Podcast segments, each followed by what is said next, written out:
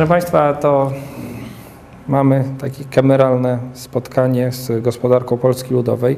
Oczywiście ten temat był zaproponowany organizatorom tych, spotkań ze względu na mm, jego wagę, no bo oczywiście wszystko jest ciekawe, każda historia jest ciekawa, ale ta, która bezpośrednio nas dotyczy, jest ciekawa w sposób szczególny.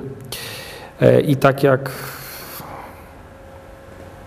42 prezydent Stanów Zjednoczonych, czyli e, Bill Clinton napisał sobie na sztabie, na ścianie sztabu wyborczego gospodarka głupsza. Tak naprawdę gospodarka e, w dużej mierze, jeżeli nie w sposób zdecydowany, wpływała na historię, zwłaszcza historię XX wieku. E, I dzisiaj to ma służyć temu, to spotkanie nasze, na chwilę prześledzić to wszystko, o czym tutaj zacząłem już wspominać, to znaczy o, o mm, jak się pojawiła gospodarka tego typu, który mieliśmy w Polsce i dlaczego, jak ewaluowała.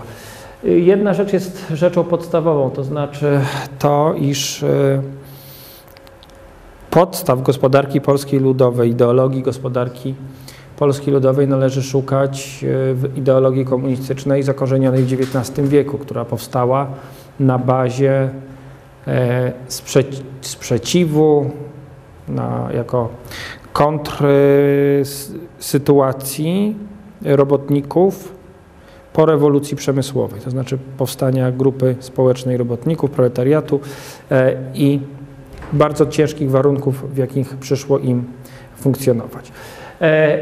Ale oczywiście ta ideologia ewoluowała mm, i z biegiem czasu starała się ogarnąć swoimi, swoim zainteresowaniem większość, a później z czasem całość życia. Więc tak naprawdę ideologiczne przyczyny wprowadzenia gospodarki komunistycznej w Polsce po roku 1944 to oczywiście po kolei to jest uzyskanie kontroli politycznej nad gospodarką, to znaczy ta kontrola polityczna to była kontrola to była kontrola taka sama, jeżeli chodziło o politykę, e, o, jeżeli chodziło nie wiem, o sport, o kulturę, o kościół, tak samo i kontrola polityczna nad gospodarką była tutaj celem. Po drugie, chęć przystosowania podaży do potrzeb. To trzeba się tutaj nad tym, nad tym przez chwilę zatrzymać. Chęć dostosowania podaży do potrzeb. Jednym z haseł ruchu komunistycznego, jeśli chodzi o gospodarkę, było twierdzenie, iż Wszelkie problemy z, mm, z brakiem, z biedą generalnie rzecz ujmując, wszelkie problemy z tym, że nie wszyscy mają mm, jednakowy dostęp do dóbr, polegają na tym, że źle jest dostosowana podaż do popytu. To znaczy, mówiąc obrazowo, za dużo produkuje się, e, za dużo produkuje się Rolls-Royce'ów, a za mało produkuje się, żeby teraz nikogo nie urazić, trzeba ostrożnie, powiedzmy Fiatów 126P. Gdyby te wszystkie moce produkcyjne i środki, które idą na produkcję Rolls-Royce'ów dla małej, wąskiej grupy wybranej, skierować na produkcję małych Fiatów, to więcej osób zyskałoby, bo więcej osób jest zainteresowane małymi Fiatami, zwłaszcza przez ich cenę, niż Rolls-Royce RAM. E, ale oczywiście mm, generalnie rzecz ujmując, komuś nie wierzyli, że może tego dokonać wolna ręka mm, rynku i trzeba tym ręcznie sterować. Więc przystosowanie podaży do potrzeb miało być zastosowane według właśnie mm, metod ręcznego sterowania. Pogodzenie interesów ogólnospołecznych z indywidualnymi, to hasło to jest oczywiście pochodna tego, o czym powiedziałem wcześniej, to znaczy, że są, że są interesy indywidualne i ogólnospołeczne i jedne i drugie powinny być w miarę mm, pogodzone, przy czym ogólnospołeczne są oczywiście ważniejsze. E, uniknięcie konfliktów klasowych to wynika wprost z tego, o czym mówili e, komuniści, iż konflikt klasowy doprowadzi do przejęcia przez nich władzy. Skoro burżuazja ma utracić władzę w wyniku konfliktu klasowego, to może być tak, że y, komuniści też mogą taką władzę y, ze względu na brak konflikt, ze względu na konflikt klasowy utracić, w związku z czym trzeba zatrzymać tą, tą zmienność i, i doprowadzić właśnie do tego, że takich konfliktów klasowych nie będzie. I uniknięcie wahań typowych dla gospodarki rynkowej, to może w szczególe chciałbym pokazać. Taki klasyczny cykl koniunkturalny. Klasyczny, który realnie nie występuje, bo to jest pewien model. Taki dosyć taki e, właśnie przykładowy. E, składa się z takich wahnięć w rozwoju gospodarczym, czyli kryzys, który w pewnym momencie osiąga te dno, czyli depresję, następuje ożywienie, rozkwit, aż do następnego kryzysu. I znowu, i znowu. E, w gospodarce rynkowej każdy kryzys, depresja powoduje to, że ludzie, już mówiąc tak dosyć szczegółowo, tracą pracę. Jest mniej pracy na rynku, ludzie mniej zarabiają i zwiążą się z tym wszystkie inne kłopoty wynikające z kryzysem. A właśnie uniknięcie takiego y, wahania cyklu koniunkturalnego, uniknięcie kryzysu, a mówiono, że kryzys bierze się z nadprodukcji, to znaczy, że w pewnym momencie za dużo jest czegoś wyprodukowane, nikt tego nie kupuje, fabryki muszą zacząć zwalniać ludzi, ludzie tracą pracę, mają mniej pieniędzy, nie kupują kolejnych dóbr i tak dalej, i tak dalej, i tak dalej. Mm, więc żeby uniknąć, ten, y, uniknąć tego klasycznego cyklu koniunkturalnego, cyklu koniunkturalnego, tych wahnięć typowych dla gospodarki rynkowej, te, temu miało również służyć rozwiązanie, które komuniści chcieli e, zaproponować. Jakie były cechy tej gospodarki komunistycznej? Tutaj posługuję się takim językiem specyficznym z epoki, ale przetłumaczę to zaraz na język zrozumiały. Społeczna własność środków produkcji. No to jest oczywiście to, iż. mówiąc w skrócie, fabryki muszą być państwowe. Fabryki muszą być państwowe, bo inaczej nie da się nimi w sposób e, ręczny sterować. Po drugie, ujednolicona struktura podmiotowa. Oznacza to, że nie mniej, nie więcej, iż w takim e, systemie gospodarki komunistycznej nie ma miejsca na konkurencję co jest w systemie rynkowym jedną z cech podstawowych, konkurencja pomiędzy podmiotami e, produkującymi ten sam towar, tutaj mieć miejsca nie może. Dlaczego? No właśnie dlatego, żeby nie tworzyć nadprodukcji, żeby te siły produkcyjne rozłożyć tak, aby jak najwięcej osób to e, mogło mm, otrzymać, na co czeka. Centralne planowanie o dużym stopniu dyrektywności, to znaczy, że urzędnik decyduje, kto co, komu, za ile, kiedy wyprodukuje. Właśnie znowu, żeby uniknąć tego, co y, wolny rynek czy rynek mm, regulował. Centralne zarządzanie gospodarką i monopol handlu zagranicznego. Y, monopol handlu zagranicznego oznacza, że państwo i tylko państwo może prowadzić wymianę zagraniczną. Oznacza to, że żaden zakład pracy nie ma prawa wysyłać samodzielnie tego, co wyprodukuje za granicę i nie ma prawa samodzielnie kupować nic za granicą. Tym się zajmuje państwo.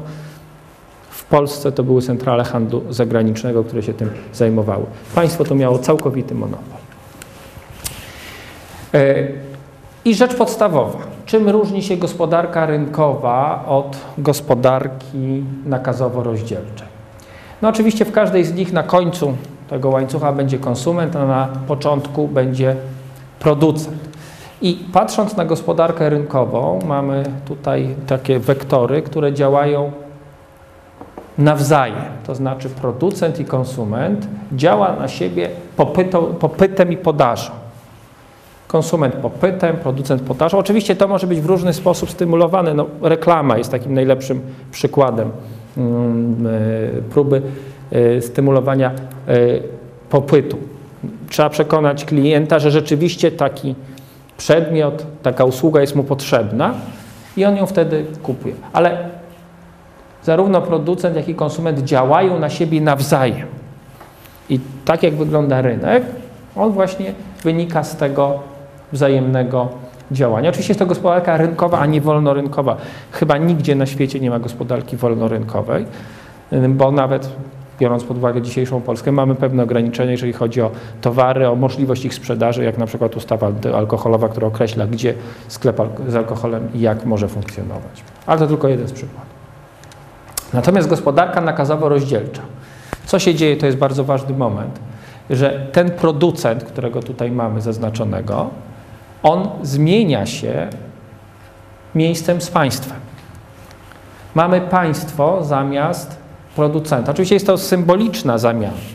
E, I to państwo daje decyzję, środki na to, żeby producent coś wy wyprodukował i przekazuje to dopiero państwu. Oczywiście jest to pewien model. To, tak nie, nie istniało, że ten producent wszystko przekazywał, tylko chodziło o pewien obieg decyzji i produkcji i dopiero wówczas na zasadzie do dystrybucji trafia to do konsumenta.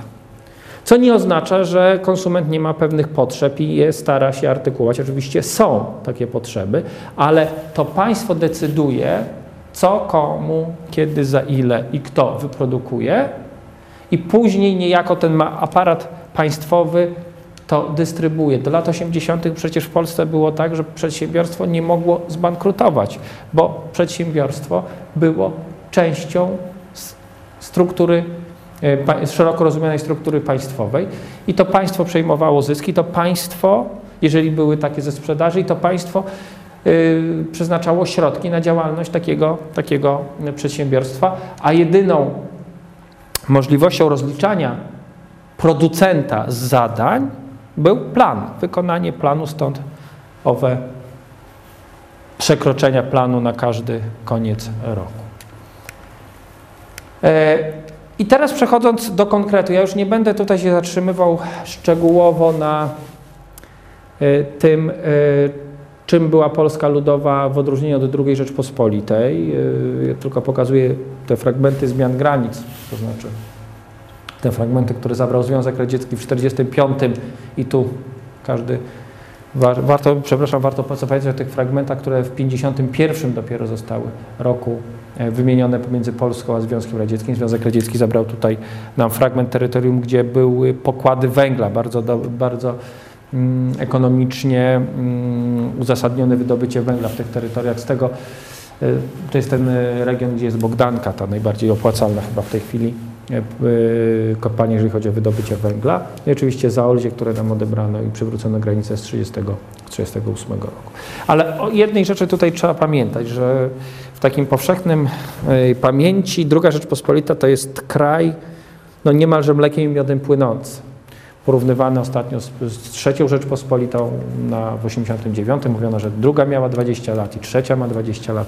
No nieprawda w żadnym stopniu. Bo po pierwsze druga Rzeczpospolita tak naprawdę nie miała 20 lat pokojowego istnienia, a jedynie tych lat było około 18-17, bo generalnie dopiero w 22 roku zakończył się proces kształtowania granic. A po drugie, jeżeli chodzi o e, kwestie ekonomiczne, druga Rzeczpospolita była bardzo doświadczona pod tym względem. Po najpierw inflacja, później hiperinflacja, różne kłopoty gospodarcze nawet po reformach Grabskiego z 24 roku i tak naprawdę krótki okres prosperity od 26 do wybuchu kryzysu 29-30 roku. I później wielki kryzys i dopiero 3-4 przedwojenne lata to znowu próba, mm, to znowu próba nakręcania koniunktury, między innymi przez Eugeniusza Kwiatkowskiego i jego politykę. E, więc tak naprawdę po II wojnie światowej Polskę, kto by nie przejął władzy, czekały bardzo poważne zmiany ekonomiczne, jeżeli chodzi o model gospodarki, jeżeli chodzi o kierunek rozwoju gospodarczego. I zarówno mm, władze konspiracyjne w kraju, przede wszystkim rząd na uchodźstwie już takie plany przygotowywał przygotowano wszystko to, co miało posłużyć e, właśnie mm, odbudowie i przebudowie gospodarczej kraju po II wojnie światowej. Stało się tak, że władze w Polsce przejęli, przejęli komuniści. Oni oczywiście też musieli zmierzyć się z tym, z kim każdy musiałby się zmienić, to na przykład straty.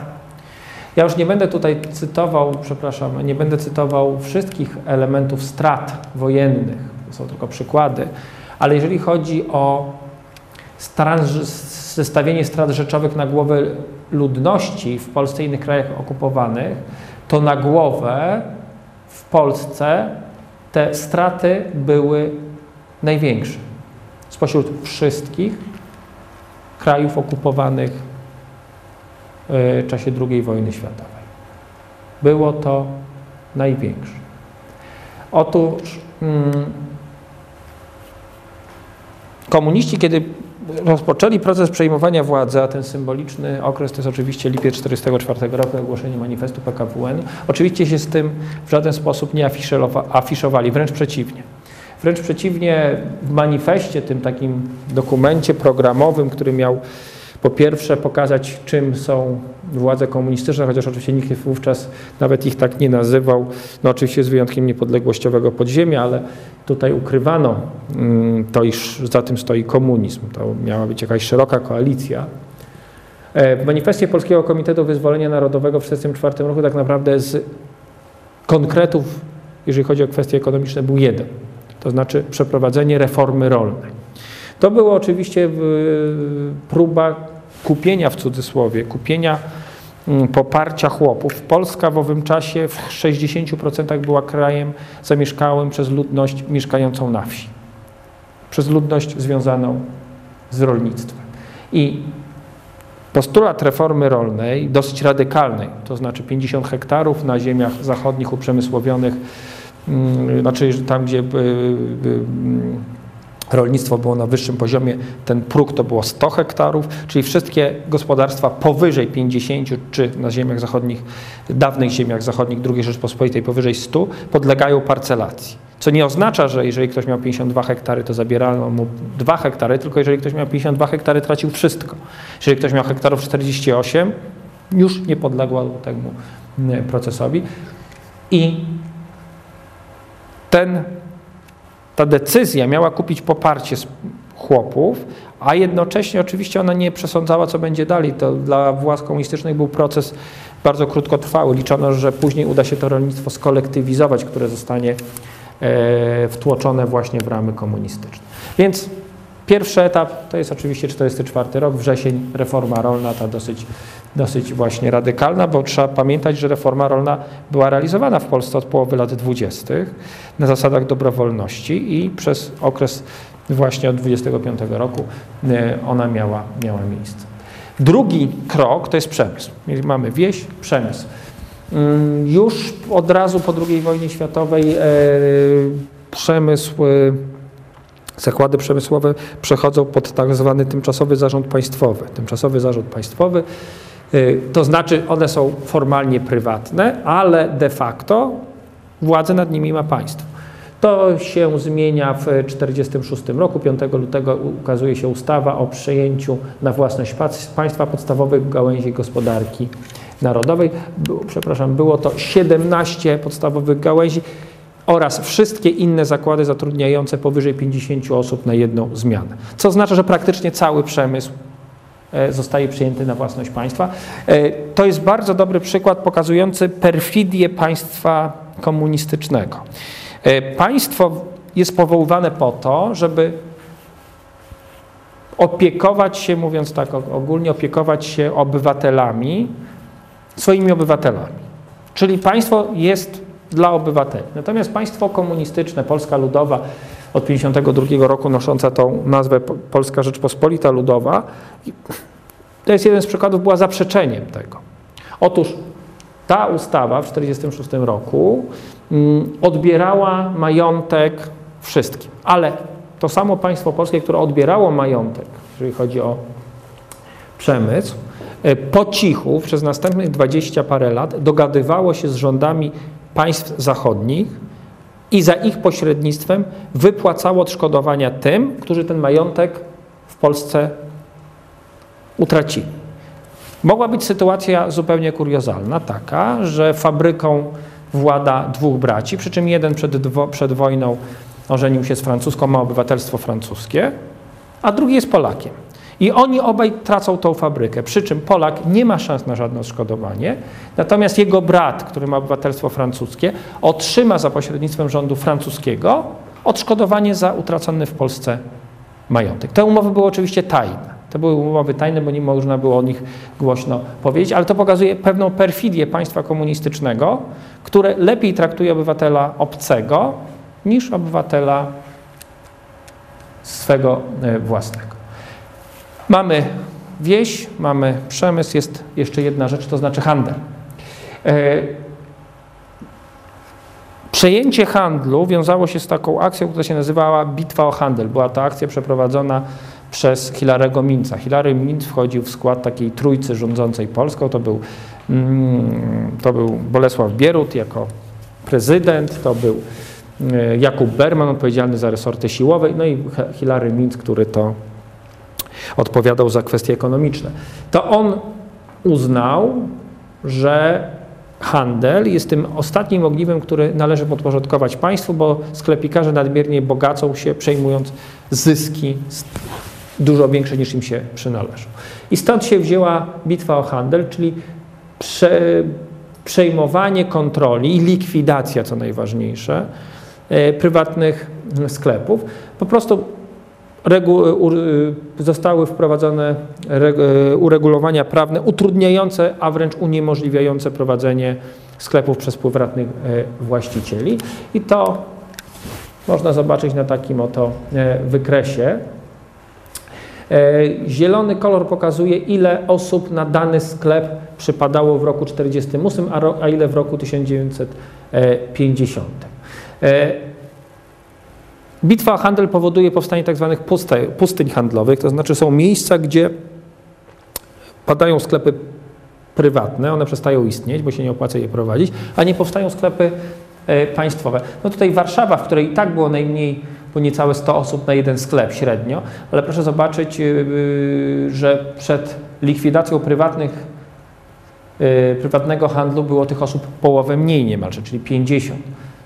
Tych, tych, tych, tych rozpiętości jest dużo, dużo więcej z reguły we wszystkich e, województwach. Zmniejszenie liczby, zwiększenie liczby osób obsługiwanych przez każdy sklep to powodowało po prostu zwiększenie się kolejek. Bo po prostu te osoby musiały być obsłużone w tym sklepie, który, e, który, który istniał. Więc mamy w ten sposób przejęte. Mm, mm, e, wiemy, co się stało z rolnictwem, mamy w ten sposób przejęty przemysł no i, i handel. Oczywiście e, to jest tak, że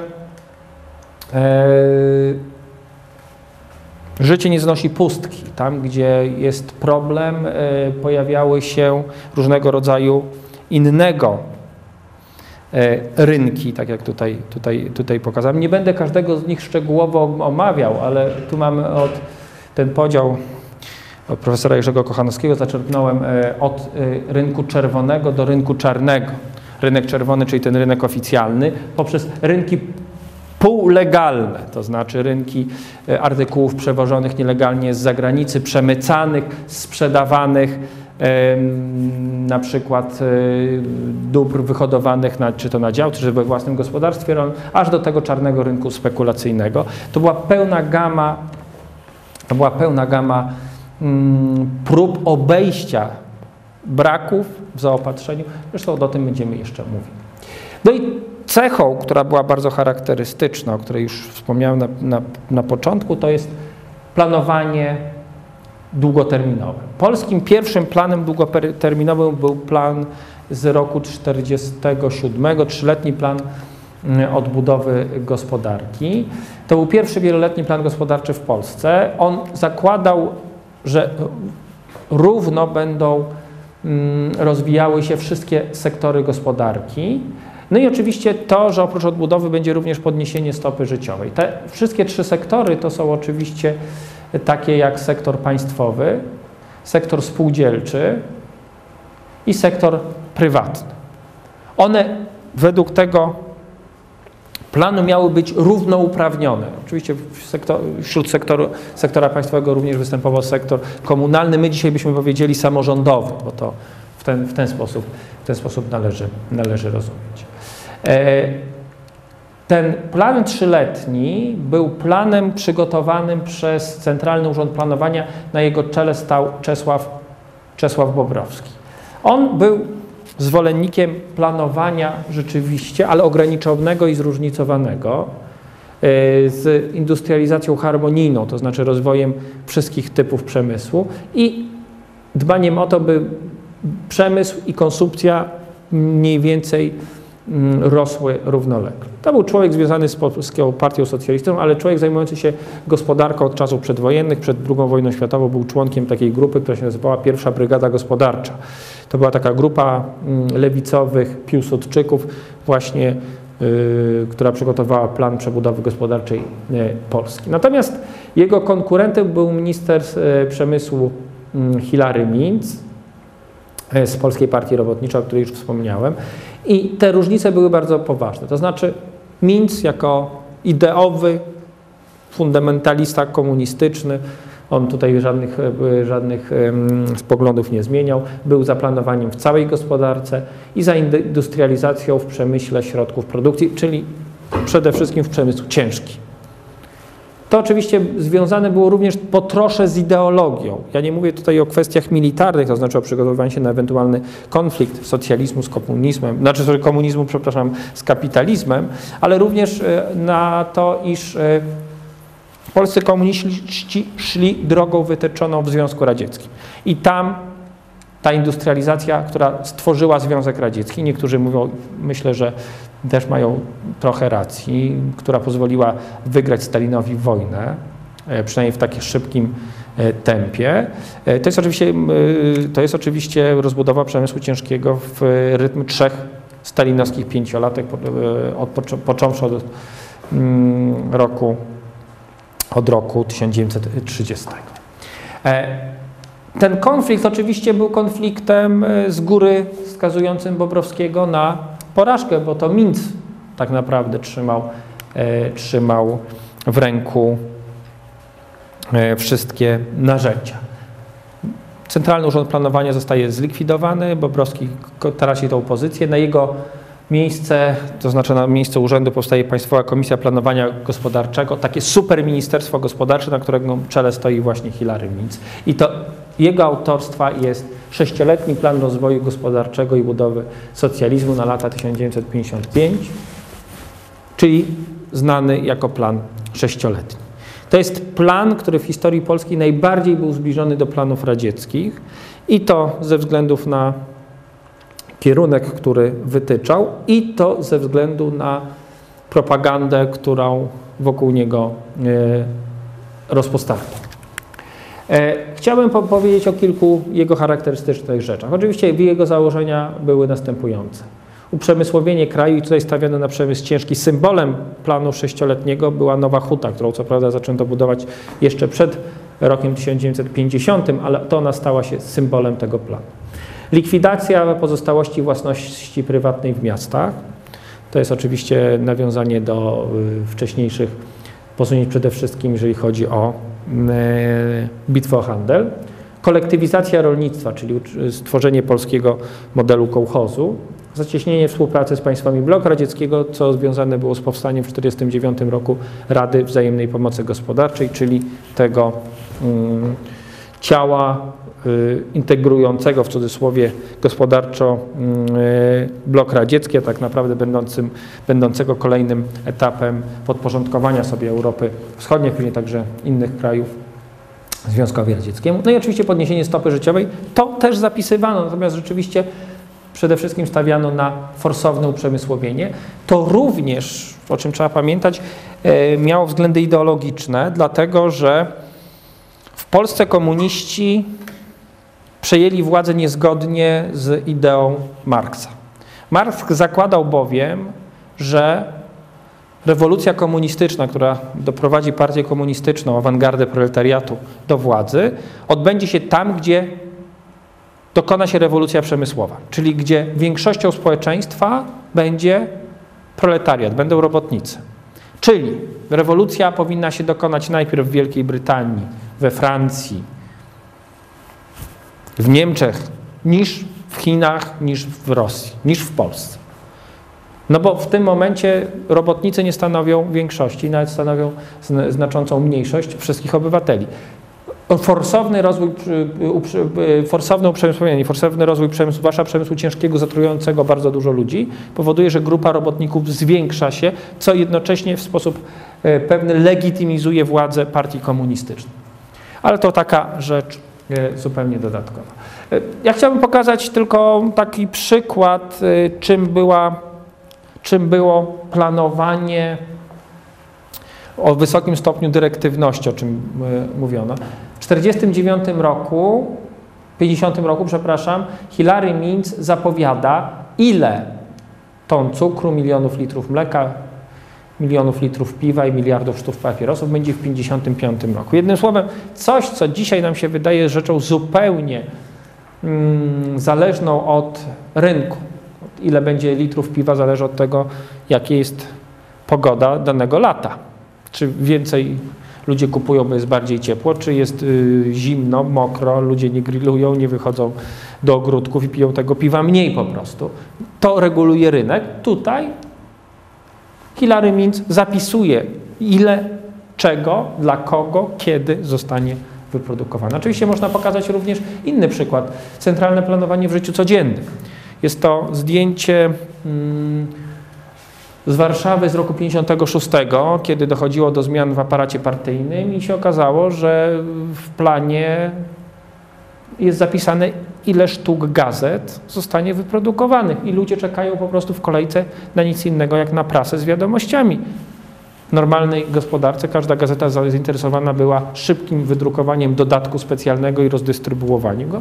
Tutaj czegoś takiego nie ma. Ludzie muszą czekać, aż gazety zgodnie z planem dotrą do, do mm, kiosku. Pytanie jest oczywiście ważne, skąd brać pieniądze. E, na tak, taki plan. No, jedną z, jednym z pomysłów była wymiana pieniędzy. W 1950 roku jesienią doszło do takiej dosyć drastycznej wymiany pieniędzy, kiedy to stare 100 tysięcy wymieniano na nowe 3 zł, ale tylko jeżeli chodzi o ceny, płace, zobowiązania oraz wkłady bankowe do 100 tysięcy złotych.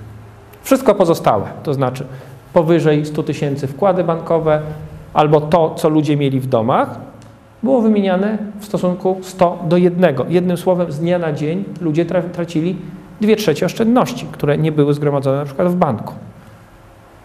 E, w ten sposób władza niejako mm, uzyskiwała pieniądze na różnego rodzaju inwestycje zaplanowane w planie planie sześcioletnim. Co warto pamiętać, ta wymiana pieniędzy z roku 1950 zapisała się bardzo mocno w świadomości Polaków. Mm, tym bardziej, e, iż ludzie się jej obawiali później przez wiele, wiele lat. Ostatni raz taka obawa była w 1995 roku, kiedy rozpoczęto proces denominacji, czyli obcinania zer i wprowadzania nowej waluty. Kiedy to było rozłożone na dwa lata, ludzie też rzucili się na początku do banku, obawiając się, że denominacja oznacza wymianę pieniędzy i po raz kolejny stracą dwie trzecie swoich oszczędności. To jest pamiątka tego roku 50. Jedna z największych traum, jeżeli chodzi o, przepraszam, o ten, ten okres. Innym sposobem zarabiania na plan sześcioletni było przeszczepienie na polski grunt stachanowszczyzny, czyli czegoś, co się nazywało czegoś, co się nazywało współzawodnictwo pracy. Współzawodnictwo pracy powstało w Związku Radzieckim w połowie lat 30., właśnie w czasie tych stalinowskich pięciolatek, e, w tym celu, żeby zmobilizować ludzi do bardziej wydajnej pracy za tą samą płacę. Robiono w ten sposób to w ten sposób już robiono wyścig pracy. Y, oczywiście byli ci, którzy przekraczali w sposób znakomity normy. Oni byli nagradzani rowerami, premiami, radiami. Natomiast trzeba pamiętać, że w takim wyścigu pracy brała udział cała fabryka. To znaczy znakomita większość y, wykazywała jakiś tam wzrost procentowy swojej mm, wydajności i to wszystko szło już E, na konto czystego, czystego zysku.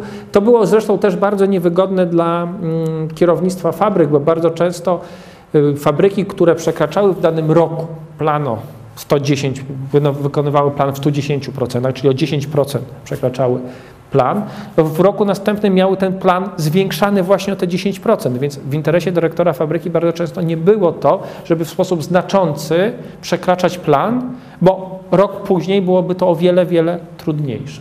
E, w polskim Stachanowcem. Stachanowcy to nazwa oczywiście od Andrija Stachanowa, który był górnikiem i wykonał około 1500% normy, pracując samodzielnie w nocy w kopalni, co oczywiście też w dużej mierze się okazało później mm, nieprawdą. Nie był sam w tej kopalni, e, ale a, i ktoś mu pomagał odgarniając urobek i tak dalej, to już zupełnie inna sprawa. Od jego nazwiska przyjęto nazwę Stachanowcy. W Polsce był to Wincenty Pstrowski, który jeszcze pod koniec lat 40. wezwał do takiego, do takiego wyścigu. Tu akurat władze miały dosyć dużego pecha, bo chwilę po tym, jak Pstrowski wezwał do tego wyścigu, kilka miesięcy później Pstrowski umarł. Umarł co prawda na E, na nowotwór, no ale oczywiście plotka głosiła, że nie na nowotwór, tylko po prostu się przepracował, więc jeżeli chcesz skończyć tak jak Pstrowski, no to rzeczywiście e, rób tak, prawda? E, w Polsce współzawodnictwo pracy nigdy nie cieszyło się dużym powodzeniem, raczej było wymuszane, raczej było niechętnie przyjmowane. Śmierć Pstrowskiego w pewnym mierze na pewno była również tutaj, tutaj przyczyną. I trzecią Trzecim źródłem pieniędzy na plan sześcioletni miała być kolektywizacja wsi. Proszę Państwa, najważniejszą rzeczą, e, jaką władza chciała zapewnić robotnikom, to była tania żywność. Jeżeli żywność jest tania, robotnikowi można mniej płacić. Ale jak uzyskać tanią żywność? Trzeba przejąć władzę nad wsią. Temu miały służyć kołchozy polskie, czyli spółdzielnie produkcyjne, które miało to polegać na tym, że chłopi łączą się dobrowolnie w takie spółdzielnie, tworzą takie spółdzielnie i później wspólnie, kolektywnie tam gospodarują. E, w Polsce nigdy nie udało się przeprowadzić kolektywizacji, nawet nie zbliżono się do jakiegoś zadowalającego wyniku, chociaż oczywiście robiono wszystko tak, jak robiono w Związku Radzieckim w latach wczesnych 30. Nawet pojawia się postać kułaka, czyli tego złego złego chłopa, bogatego chłopa, który namawia wszystkich, żeby do spółdzielni nie szli, bo mieliśmy trzy grupy chłopów. Był kułak, ten bogaty, zły chłop, był biedniak, czyli ten, którego interesie było iść do spółdzielni, był tak zwany średniak, o którego bili się zarówno kułacy, jak i biedniacy. Pytanie oczywiście, co to znaczy kułak, to znaczy ile trzeba było mieć ziemi, żeby być kułakiem albo średniakiem, tego nikt nie wie, to wszystko zależało od uwarunkowań politycznych na danym, na danym terenie. Zły zawsze będzie e, kułakiem, a ten, którego można przeciągnąć na swoją stronę, nie można zdrażać, zawsze będzie średniakiem. Proszę Państwa, to wszystko, o czym teraz powiedziałem, o planie sześcioletnim, to wszystko mm, mniej więcej załamuje się około roku 54. Dlatego, że plan sześcioletni jest dosyć mocno zmieniany po wybuchu wojny koreańskiej i w roku 54 widać już jego bardzo negatywne wpływy, zwłaszcza na e, położenie ludności. W 1954 roku ma miejsce drugi zjazd Polskiej Zjednoczonej Partii Robotniczej. On doprowadza do pewnych, do pewnych zmian w polityce gospodarczej, ale mimo to doprowadza to do upadku ekipy, która ten plan sześcioletni prowadziła, czyli do upadku ekipy mm, Bolesława Bieruta, w cudzysłowie upadku, bo Bierut sam umiera w marcu 1956 roku, ale tej grupy, która z nim współrządziła, w większości, a przede wszystkim Minca, nie ma w 1956 roku już u władzy. Nastaje okres Władysława Gomułki, który jest symbolem tego dobrego komunizmu, w cudzysłowie dobrego oczywiście, ale człowieka, który był prześladowany przez ten reżim stalinowski jako taki zwany dobry komunista, chociaż to jest oczywiście, oczywiście w dużym cudzysłowiu e, dochodzi do władzy. E, te, ta zmiana polityki gospodarczej jest bardzo widoczna na przykład na wsi.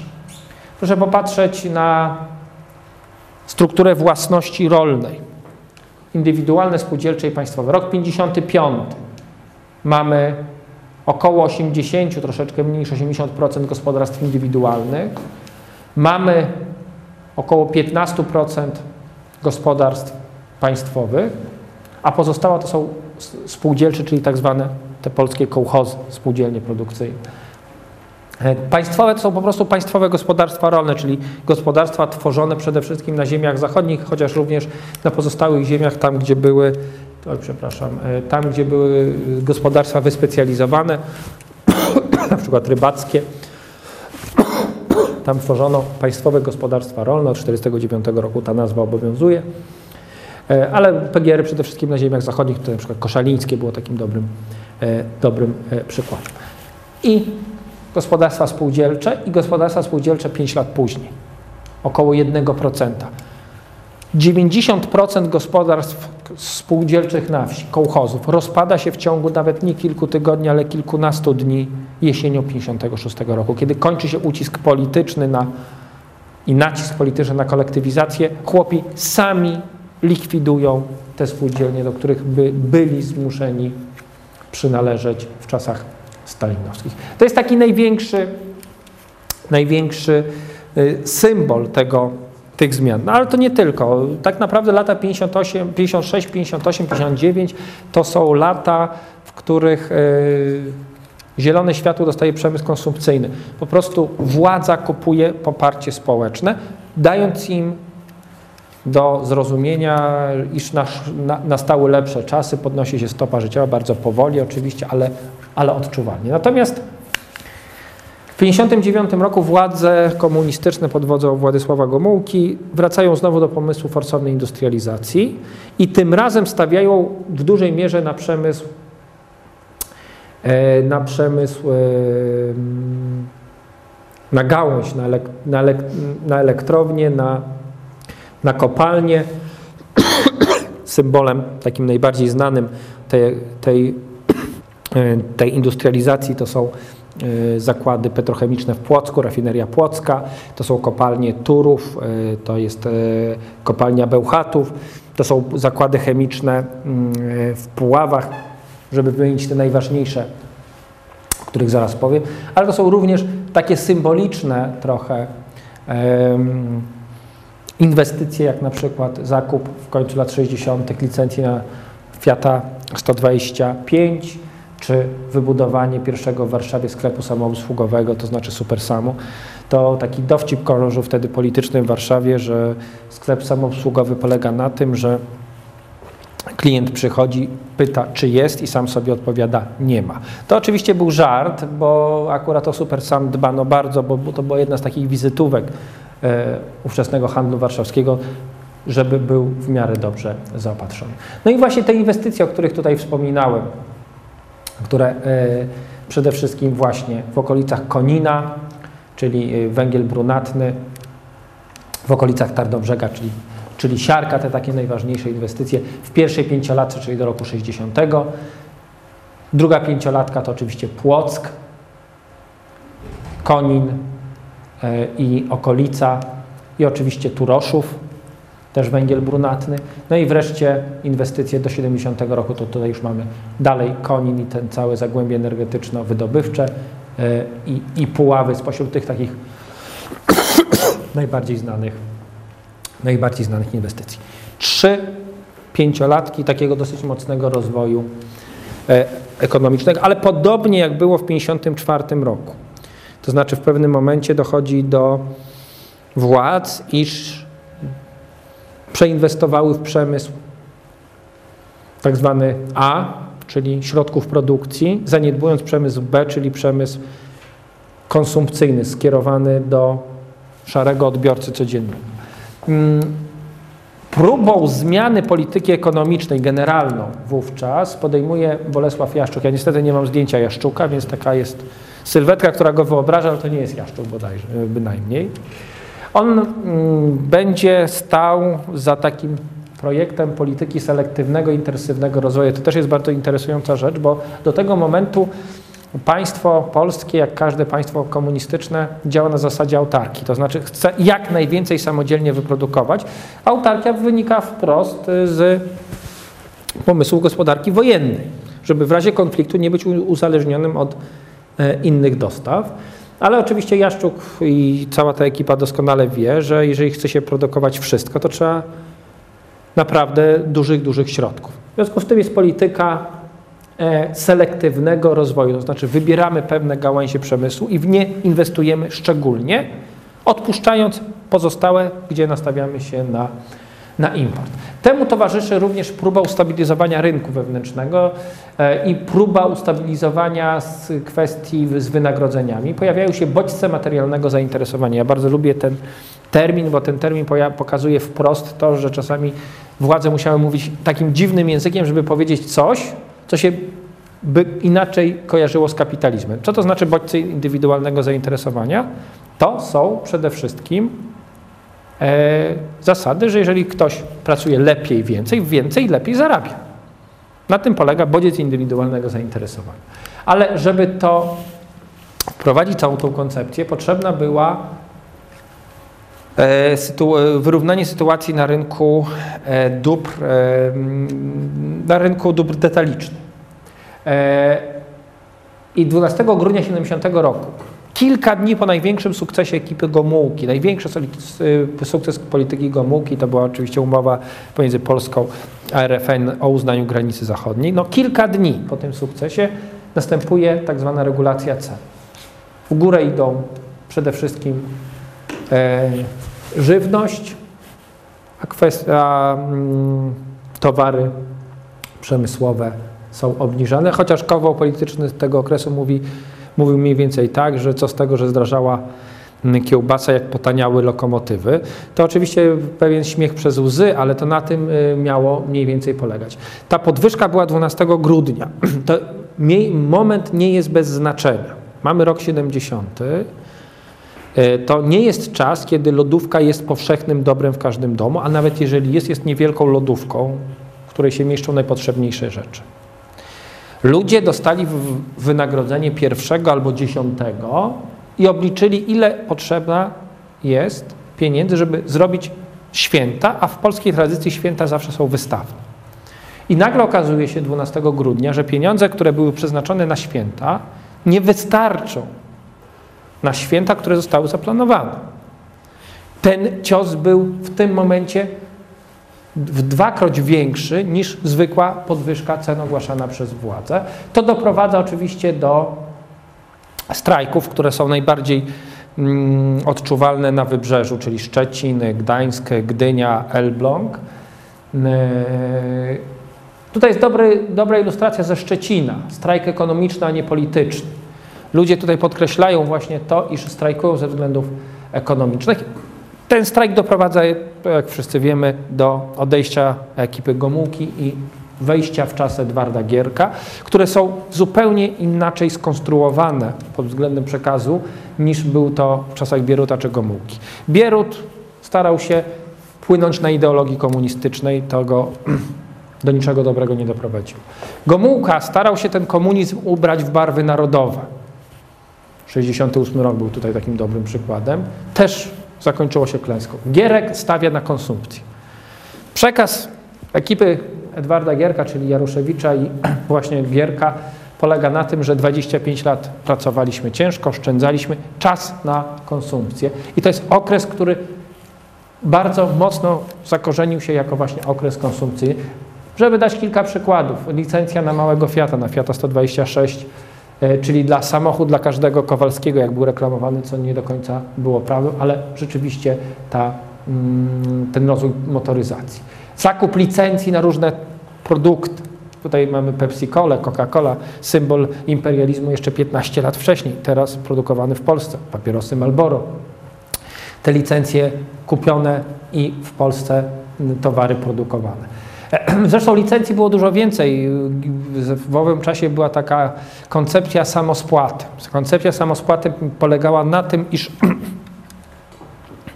Kupowano licencję za granicą, budowano fabrykę w Polsce, zakładając, że fabryka ta będzie taniej ze względu na siłę roboczą wypuszczać towary, które będą sprzedawane na zachodzie, zarabiać dewizy, które będą szły na spłatę e, kredytu wziętego na licencję. Koncepcja samospłaty. I w ten sposób Polska zyskuje nowoczesne technologie i nowoczesne fabryki, niejako samospłacające się. Ta koncepcja była dobra, dopóki na Zachodzie nie pojawił się kryzys, szoki naftowe i kryzys, które zupełnie załamały tą koncepcję, bo tam była gospodarka rynkowa, która była podatna na różnego rodzaju właśnie tego typu zmiany i wymagała również elastycznego do tego podchodzenia. Zderzenie z gospodarką centralnie planowaną dla tej drugiej skończyło się tragicznie. No i oczywiście jeszcze kilka przykładów, to trasa łazienkowska czy budowa dworca e, centralnego w Warszawie. E, ważnym elementem tej polityki konsumpcyjnej było upowszechnienie eksportu wewnętrznego. On istniał już wcześniej w latach 60. jako, jako kioski mm, hotelowe, natomiast od lat 70.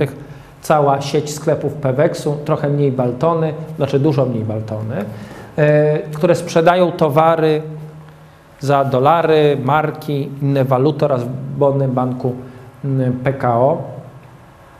Właśnie po to, by w ten sposób drenować kieszenie Polaków z potrzebnych dewiz.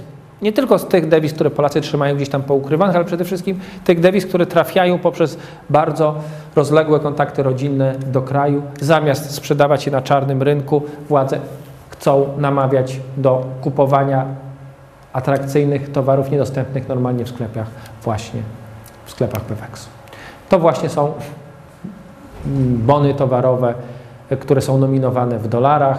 Taki zastępczy dolar, którym posługiwano się właśnie wówczas, hmm, przede wszystkim w latach 70. Zresztą ciekawostka, yy, ogłoszenie z lat 70. z życia Warszawy, gdzie aktualnie bony albo bony kupie, bony kupie. Oczywiście tu najczęściej nie chodziło o to, żeby kupić bony, tylko chodziło o to, żeby kupić dolary, ale handel dolarami prywatnie był zakazany. W związku z czym używano takiej zamiennej nazwy. Bony kupie, wiadomo było, że chodzi o dolary. Jeszcze bardziej perfidnym ogłoszeniem było powracającemu z zagranicy mieszkanie wynajmę. To oczywiście nie chodziło o to, że mi zależało na tym, żeby ktoś rzeczywiście z tej zagranicy przyjechał, tylko żeby zapłacił w dolarach. Takie, takie, takie, takie to, to były czasy, że można było to w taki sposób zawaluowane ogłaszać. E, te, okres prosperity Gierkowskiego, szczyt to jest rok 74. Rok 74. Mm, później już jest niestety tylko, tylko gorzej. I specjalnie, żeby podkreślić, jak rzeczywiście wyglądała ta, mm, ta, mm, ten etap, e, wybrałem taki cytat z Ekspresu Wieczornego sprzed świąt Bożego Narodzenia 74 roku, kiedy to w gazecie, w szczycie Prosperity, dziennikarz pisze – nie powinno zabraknąć win importowanych ani żadnych artykułów podstawowych jak masło, cukier, mąka, herbata i makaron. Nie powinno zabraknąć. Szczyt prosperity, a gazeta opowiada o tym, że jak dobrze pójdzie, to wszyscy kupią. Tak? Ja już nie będę obliczał, ile pomarańczy na osobę jest to oczywiście dzisiaj mało zrozumiałe, że pomarańcze w owym czasie przypływały do Polski dwa razy w roku generalnie, czyli na święta Bożego Narodzenia, na święta Wielkiej, Wielkiej Nocy. E, polityka Gierka polegała również na tym, że odwołał on podwyżki cen i zamroził ceny w roku 70-71. E, czyli to, co doprowadziło do upadku Gomułki. E, ale sytuacja była coraz bardziej dramatyczna, bo wynagrodzenia rosły, a ceny były zamrożone. W normalnej gospodarce ceny e, w jakiś sposób podążają za ilością pieniądza na rynku. Tutaj są ustalane odgórnie. I kiedyś trzeba było to przerwać.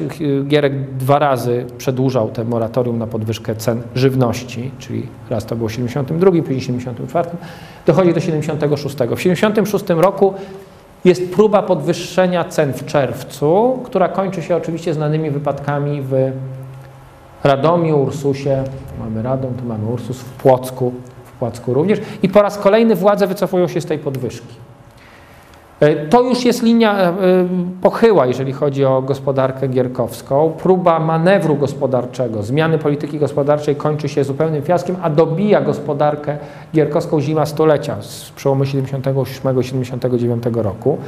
Bardzo śnieżna zima przy bardzo niskiej temperaturze. To jest te dwie cechy charakterystyczne, że nie tylko bardzo niska temperatura, ale bardzo duże opady śniegu, co powoduje, że ta gospodarka praktycznie przestaje na kilka dni funkcjonować. Złośliwi twierdzili, że minus 5 stopni to jest temperatura zamarzania socjalizmu, a gospodarka komunistyczna tym, e, a nieboszczyk tym różni się od gospodarki socjalistycznej, że nieboszczyk się przy minus 5 nie rozkłada. E, ale to było złośliwe. Tak naprawdę rzeczywiście to była bardzo ciężka, ciężka zima przełomu 88-89 Piękne zdjęcie z centrum Warszawy i z jednego z drugiego to zresztą widać na mm, w tej tabeli pokazującej wyniki dynamiki dochodu narodowego. Ta dynamika jest obliczona w ten sposób, że rok poprzedni traktowany jest jako 100%. Czyli tak naprawdę aż do roku 79 ten dochód narodowy rośnie. W 79 rok to jest po raz pierwszy spadek od czasów II wojny światowej dochodu narodowego i następuje ten spadek, bo przypominam, że to 88% to jest wyliczone ze 100% roku 80. Czyli ten spadek jest dosyć przepraszam, dosyć, dosyć znaczny. To oczywiście doprowadza, mówię w dużym skrócie, do e, prób kolejnej podwyżki cen i kolejnego strajku, który jest efektem tej podwyżki powstania Solidarności w sierpniu 80 roku.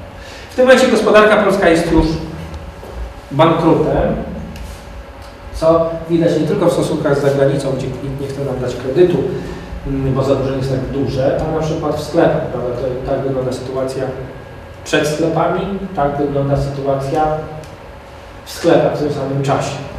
Puste półki, na które no, nie było co dostarczyć. Yy, próbą ratowania sytuacji wprowadzenie reglamentacji.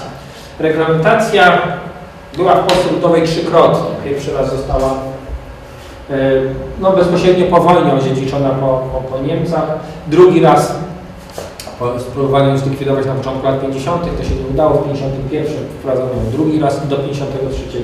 I wreszcie w 76 roku po Radomiu i Ursusie wprowadzono reglamentację na cukier, a od roku 81 zaczęto wprowadzać kartki również na inne towary.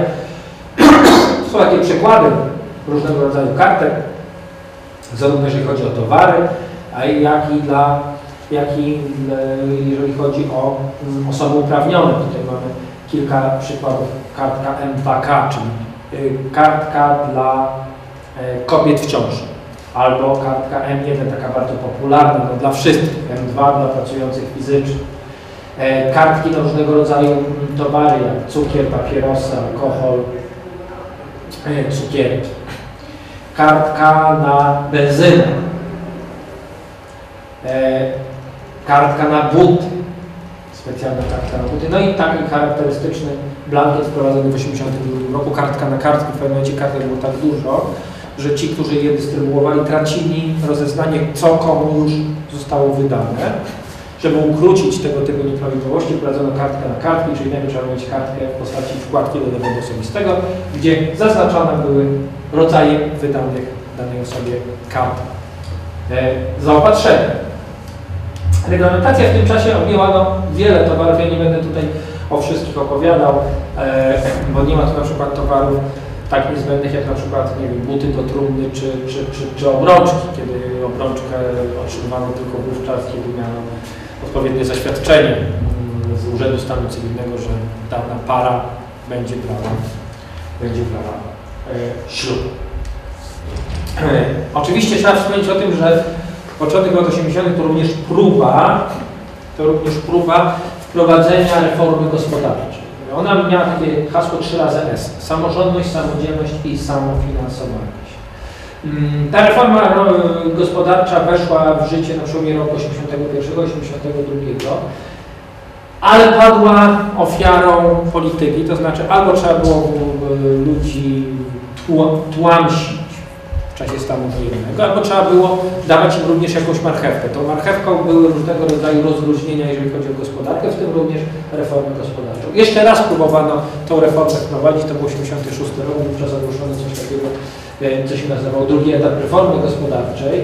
E, to było hmm, coś dziwnego, bo jak reformę wprowadzono, to nikt nigdy nie powiedział, że ta hmm, e, reforma będzie miała dwa etapy. E, jeszcze raz w 1986 próbowano ten drugi etap reformy gospodarczej wprowadzić, wówczas tak złośliwie mówiono, że jeżeli ta reforma uda się, to będzie tak jak z jaszczurką, bo jaszczurka to jest krokodyl po drugim etapie reformy gospodarczej, tak, tak, tak, tak o tym złośliwie mówiono. W 1987 roku jeszcze władze próbowały zrobić, zagrać bank, zrobić referendum, gdzie były dwa pytania. Jedno było doty, dotyczące właśnie kwestii gospodarczych.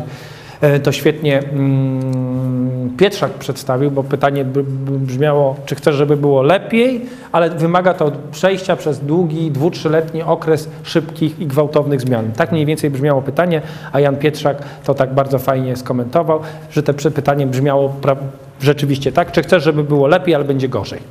E, te referendum władza zresztą przegrała na własne życzenie. Nie tyle wynikiem, ile jeżeli chodzi o mm, liczbę głosujących, bo wymyślono dziwnie, że referendum będzie ważne, jeżeli tak powie więcej niż 50% uprawnionych. Tak powiedziało więcej, ale gdy obliczono liczbę, która poszła do urn, wyszło, że jest to jednak mniej niż 50% uprawnionych.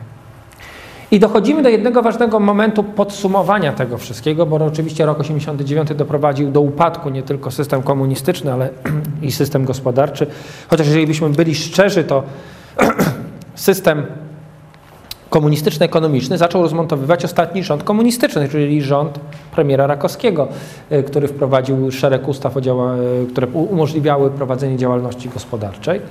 Ale to już był łabędzi śpiew. W rzeczywistości wszystko mm, już było y, w sferze schodzącej. I teraz pod, podliczając to, o czym tutaj mówiliśmy, chciałem Państwu pokazać jedną bardzo fajną rzecz. Mianowicie E,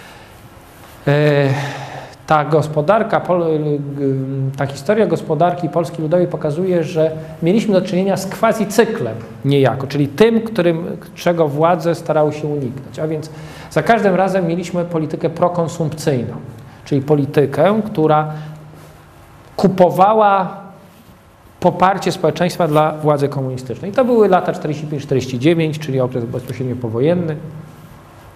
To były lata 56-50. 8 i 71, 75.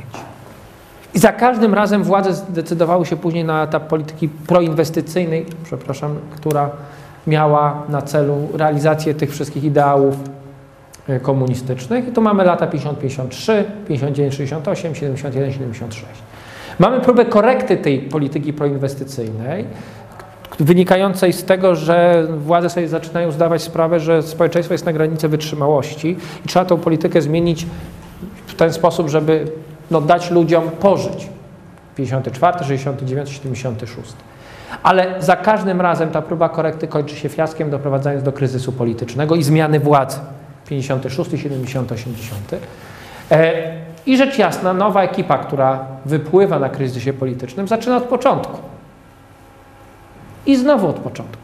Byśmy się, jakbyśmy się uparli w dużej mierze, ten quasi cykl można by było również pokazać na mm, przykładzie lat 80., przy czym nie mamy miejsca na politykę prokonsumpcyjną, bo Jaruzelski nie ma z czego konsumować. Gospodarka jest w takim stanie, że tej polityki prokonsumpcyjnej nie ma jak prowadzić, ale jest również próba korekty prowadzonej polityki, czyli owa reforma 86-87 z reformą i zakończona kryzysem politycznym roku 89. Na koniec chciałbym pokazać tylko dwa przykłady, dwa przykłady tego, czym była Polska Ludowa, jeżeli chodzi o szarego obywatela. Rzecz jasna można to porównywać względnie. Ja wybrałem Polskę i Hiszpanię. Dlaczego? Dlatego, że Hiszpania, tak jak Polska, jest krajem katolickim. Była krajem katolickim. Czyli nie mamy tutaj e, do, do czynienia z tym takim e, przypisywanym protestantyzmowi mm, zapałem do pracy. Była krajem mniej więcej ludnościowo podobnym. Była krajem, która, który w, 20, w połowie XX wieku był na peryferiach ekonomicznych Europy. Oczywiście możemy powiedzieć, że Hiszpanie nie mieli II wojny światowej, no ale Hiszpanie mieli 36-39 bardzo krwawą wojnę domową. I jeżeli porównamy sobie to, co się dzieje w Hiszpanii, to, co dzieje się w Polsce mniej więcej w tym samym czasie, widać to, do czego komuniści w Polsce doprowadzili z perspektywy szarego człowieka. Liczba telefonów na tysiąc mieszkańców. Startujemy w 1937 roku mniej więcej z tego samego, z tego samego mm, poziomu. I o ile w Polsce od tamtego czasu liczba telefonów wzrasta mniej więcej w tym samym tempie, w Hiszpanii ten wzrost jest diametralnie szybszy. To oczywiście, proszę pamiętać, również jest związane z rozwojem techniki. Technika jest i bardziej wydajna, i tańsza, w związku z czym ten wzrost, zwłaszcza gdzieś około roku 70, jest coraz bardziej gwałtowny. I jednym słowem, u progu lat 90. praktycznie każda rodzina hiszpańska ma, ma telefon. Co w epoce, kiedy nie było komórek, są, naprawdę były takie czasy, to, to jest rzecz naprawdę wówczas jedna z priorytetowych. Zmiana liczby osobowych pojazdów samochodowych w Polsce i Hiszpanii. I znowu tutaj w roku 56 jesteśmy mniej więcej na, sam, na takim e, samym e, poziomie. Rok 88 to już jest przepaść pomiędzy Polską a Hiszpanią. Te same przyczyny, to znaczy postęp techniczny i właśnie warunki, warunki polityczne. Przypominam, że Hiszpania do 76 roku też nie jest krajem demokratycznym. Dopiero po upadku systemu stworzonego przez Franco, tam, jeżeli chodzi o politykę, to się zmienia. Taka bardzo znana miara postępu cywilizacyjnego, to znaczy śmiertelność noworodku na tysiąc urodzin. W 1939 roku ta śmiertelność w Polsce i Hiszpanii na niekorzyść Polski, ale niewielka, jest podobna. W roku 90 na pierwszy rzut oka to jest podobnie, tylko że generalnie rzecz ujmując, patrząc na, mm, na dane tabeli, to jest dwukrotnie więcej noworodków w Polsce umiera na tysiąc urodzie, urodzeń niż jest, to, niż jest to w Hiszpanii. Więc ta skala jest tutaj e, olbrzymia. No i wreszcie PKB na mieszkańca Polski i Hiszpanii, produkt krajowy brutto w latach 18 2000. Mm, Jeszcze w roku 50 jesteśmy mniej więcej w tym samym miejscu. To oczywiście załamanie e, drugowojenne w Polsce jest dosyć widoczne. Załamanie w Hiszpanii, ale od roku 50 PKB Polski i Hiszpanii w roku 2000 jest no, w sposób diametralnie większe niż działo się to, działo się to w Polsce. Jak gdybyśmy porównali inne kraje, te, te dane byłyby jeszcze bardziej skrajne, więc to również pokazuje na to, jak to istniało. I jeszcze raz przypomnę właśnie ten, przepraszam, quasi cykl gospodarczy, który był realizowany w latach Polski Ludowej nie dlatego, że władze tak chciały, tylko dlatego, że władze inaczej nie potrafiły prowadzić tej polityki. To tyle, co chciałem w ekspresowym tempie Państwu przekazać. Mieliśmy dzisiaj bardzo komfortowe warunki, więc jeżeli macie Państwo pytania, to ja chętnie. A jeżeli nie, to dziękuję za cierpliwość. Ja może miałam jedno pytanie, Aha. ale takie zupełnie ogólne, jeśli mogę sobie pytać, bo niewiele o tym wiem. Czy na przykład yy, w ogóle była jakaś szansa, jeżeli wprowadzono tą gospodarkę komunistyczną po wojnie u nas, to mhm. czy była jakaś realna szansa, że to ma że to będzie jakby pozytywne dla ludzi, jeżeli to już było wprowadzone w Związku Radzieckim. Czy ci ludzie już wiedzieli, do czego to prowadzi, czy to był taki eksperyment mhm. na żywo? To był eksperyment, bo w Związku Radzieckim, e, e, znaczy nie można było zrobić inaczej. To byli wierni uczniowie Związku Radzieckiego, tak? Nie można było zrobić inaczej. E, oni zdawali sobie sprawę, że w Związku Radzieckim nie do końca to wyszło, ale jednocześnie uważali, że wszystko jest w toku i to się dobrze skończy. Natomiast w Polsce w 1956 roku już było wiadomo, w 1956 roku, że ten system tutaj nie zadziała tak, jakby chcieli. Od 1956 roku to już jest próba na siłę łatania systemu ekonomicznego i wszyscy wiedzą, że on nie ma szans na zaistnienie. Od 56 ideologia przeważyła. Że do 56 niektórzy mieli nadzieję, że to zadziała, że to się uda. Od 56 roku już takiej nadziei nikt, nikt nie miał. No dobrze, to kończymy w takim razie. Dziękuję bardzo.